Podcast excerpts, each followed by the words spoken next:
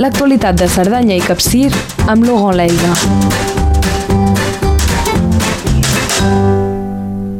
Connectem amb el Laurent Leiga, bon dia. Hola, bon dia. Et retrobem, doncs, des de la muntanya. Quin temps hi tenim aquests dies?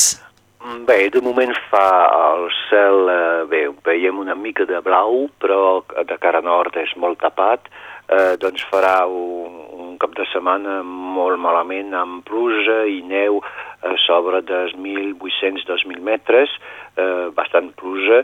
Eh, ha plogut eh, aquesta setmana eh, de forma bastant important, però encara eh, hi ha sequera, doncs això, eh, això cau ba- bastant, bastant bé i, i doncs està eh, bé per, a- per, a- per als conreus i per, per la terra perquè eh, ho necessitem. Eh, I a partir d'aquí, doncs, eh, la setmana que ve les temperatures tornaran a pujar, eh, però aquest cap de setmana farà fred. D'acord.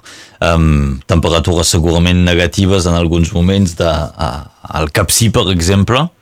Sí, eh, sí, sí, sí això podria baixar fins a 2 o 3 graus sota zero. Mhm. Aquesta és la situació del temps. Ara entrem en temes de més actualitat i ens parles ara de la Covid i de la frontera. Eh, pel que fa de la, de la Covid i de les xifres eh, a l'hospital doncs, de, de Cerdanya, a principi de setmana hi havia set, set persones ingressades, eh, però és eh, gairebé com a, com a tot arreu hi ha hagut una pujada i una estabilització eh, ara mateix a nivell doncs, dels, eh, dels ingressats. Eh, doncs ja tots estem pendents que siguin un costat de l'altre de, de la frontera eh, de les eh, normatives que estan canviant ara mateix, que sigui doncs, a Catalunya o aquí a, França, eh, doncs caldrà tornar a posar-nos eh, eh, a llegir tot això per, eh, per veure el que es pot fer d'un costat i el que es, que es pot fer de l'altre o el que no es pot fer. Eh, no, les coses no són eh, clares com, com sempre, perquè ja veurem si eh, podem passar d'un costat a l'altre de la frontera. Eh, això per dir que eh, hi ha hagut una reunió la setmana passada a la a Comunitat de Comunes eh, Pirineu-Cerdanya eh, del eh, AFT, doncs és eh, l'agrupament eh, de cooperació transfronterera entre la comunitat i el Consell Comarcal de la Cerdanya i doncs eh, es va parlar de, d'aquesta situació de, que dura doncs, des d'un de, des any i del, eh, del fet que sigui el govern català, però sobretot el govern francès i el govern espanyol, eh, no han volgut doncs, reconèixer eh, el perímetre eh, doncs, cerdà, és a dir, amb la Cerdanya eh, d'administració francesa i la Cerdanya d'administració eh, catalana del sud eh, per poder passar d'un costat de la frontera, com s'ha fet a un moment donat entre el Consell Comarcal eh, de l'Alt Urgell i Andorra, i doncs eh, eh, tothom va parlar de, la, de, de les gestions que s'havia fet eh, d'un costat i de l'altre, però res no s'ha pogut fer entendre als governs aquesta situació específica de Cerdanya i malauradament eh, tothom aquí eh, n'ha patit, patit i eh, esperem poder un dia eh, fer reconèixer eh, aquesta entitat eh, al nivell de mobilitat almenys eh, cerdana. Donc sí que podria ser molt més pràctic i, i lògic, coherent per a molta gent que, que viu allà al costat de la frontera i que es deu trobar amb aquesta situació, perquè aquí ja tenim el calendari, diríem, de desconfinament. A Catalunya Sud ho decideixen allà, però evidentment potser no, no van al mateix ritme. No van al mateix ritme i a partir del moment en què hi ha una frontera, eh, com sempre ho he dit, la frontera no és competència de Catalunya sinó de Madrid i això doncs afegeix eh, un problema més. Bé, d'aquí per la temàtica de la crisi sanitària. Ara un altre tema, ens vols explicar que els ramaders de Líbia estan atabalats?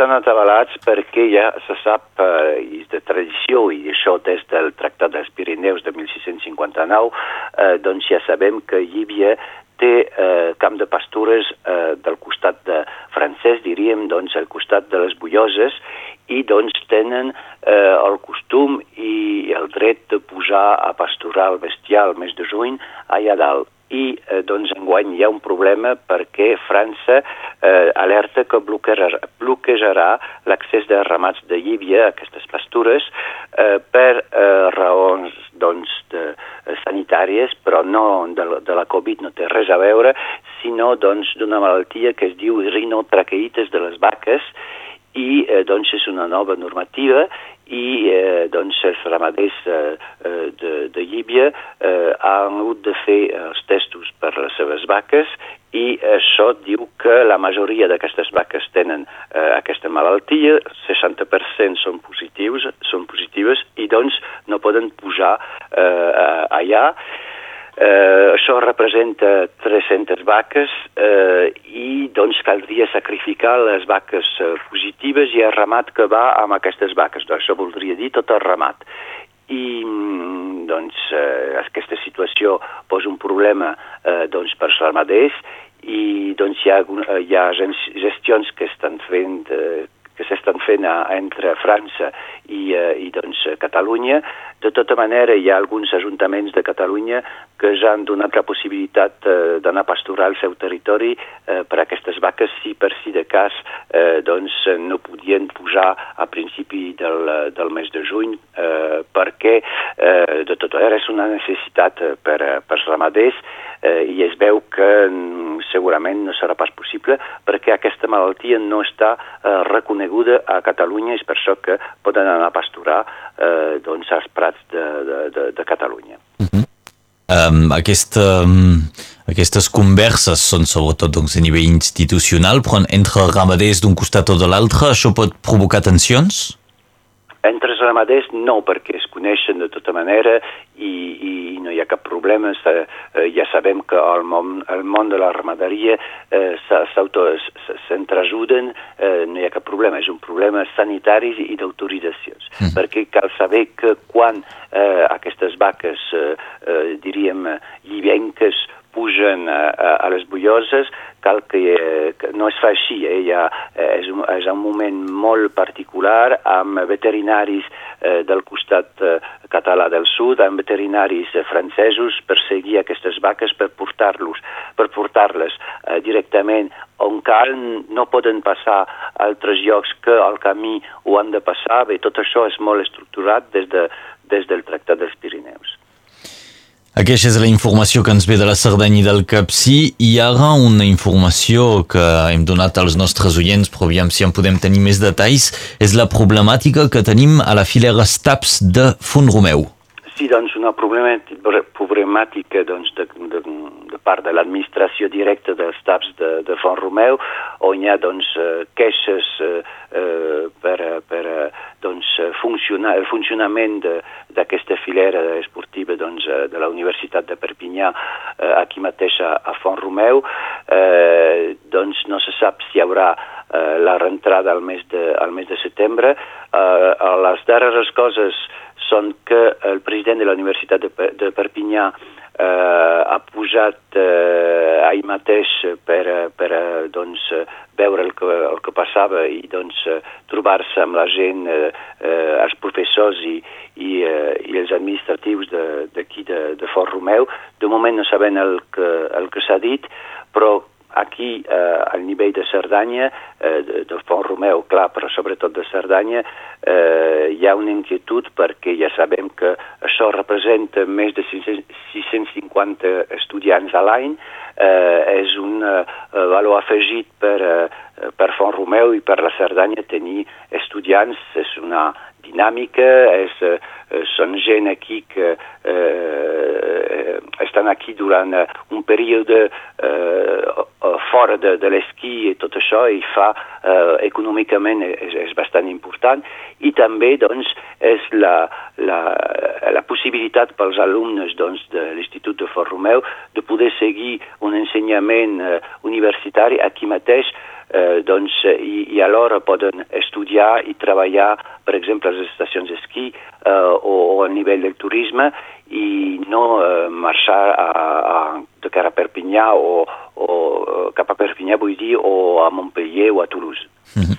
és que el nombre d'alumnes ha crescut prou ràpidament, no? Em sembla que fa 10 anys eren que uns 200 potser i estem a prop de 700? Exactament, i de tota manera eh, és una filera que no fa molt soroll, no, no se'n parla molt aquí a, a Catalunya Nord, però és una filera molt important eh, a nivell d'estudiants, a nivell de, dels nivells doncs, eh, d'ensenyament, perquè eh, eh, eh, la gent creu que és només per fer professor d'esport, de, però hi ha, hi ha la possibilitat de fer professor d'esport, però també hi ha la possibilitat de poder treballar a nivell esportiu amb minusvàlids i també doncs, hi ha una grossa part doncs, de, eh, de, per fer gestió, eh, per exemple, d'una sala d'esport o d'una eh, casa rural, eh, és tota una filera de management que és molt important també i cal saber que estan aquí els estats des de eh, principi dels anys 2000, eh, gairebé 20 anys, i doncs eh, és una filera que funciona bastant bé. Sí, sí, sí. Doncs eh, aquesta és la informació, aquesta filera STAPS que passa per un moment un poc complicat actualment. Passem ara a l'agenda, n'hi ha o no n'hi ha? No n'hi ha. No n'hi ha. Moment, no. Potser això ja veiem que s'està aclarint i que potser eh, doncs, eh, eh potser divendres que ve o l'altre podria eh, anunciar un, unes petites cosetes. Bé, i a partir de dilluns ens podrem desplaçar sense limitació de distància, sense atestació, doncs podrem tornar a venir-vos a veure eh, per als qui viuen a la plana. Exactament, podrem tornar a, i nosaltres baixar a la sí. plana i podrem anar a Andorra i podem eh, eh, veure si podem passar aquesta frontera i anar a Puigcerdà eh, amb l'esperit tranquil. Bo, doncs aquesta és l'actualitat. És Laurent Leiga qui ens la portava des de la Cerdanya i el Capcí. Moltes gràcies, Laurent. Gràcies a vosaltres. Adiu. Adéu. L'actualitat de Cerdanya i Capcir amb Laurent Leiga.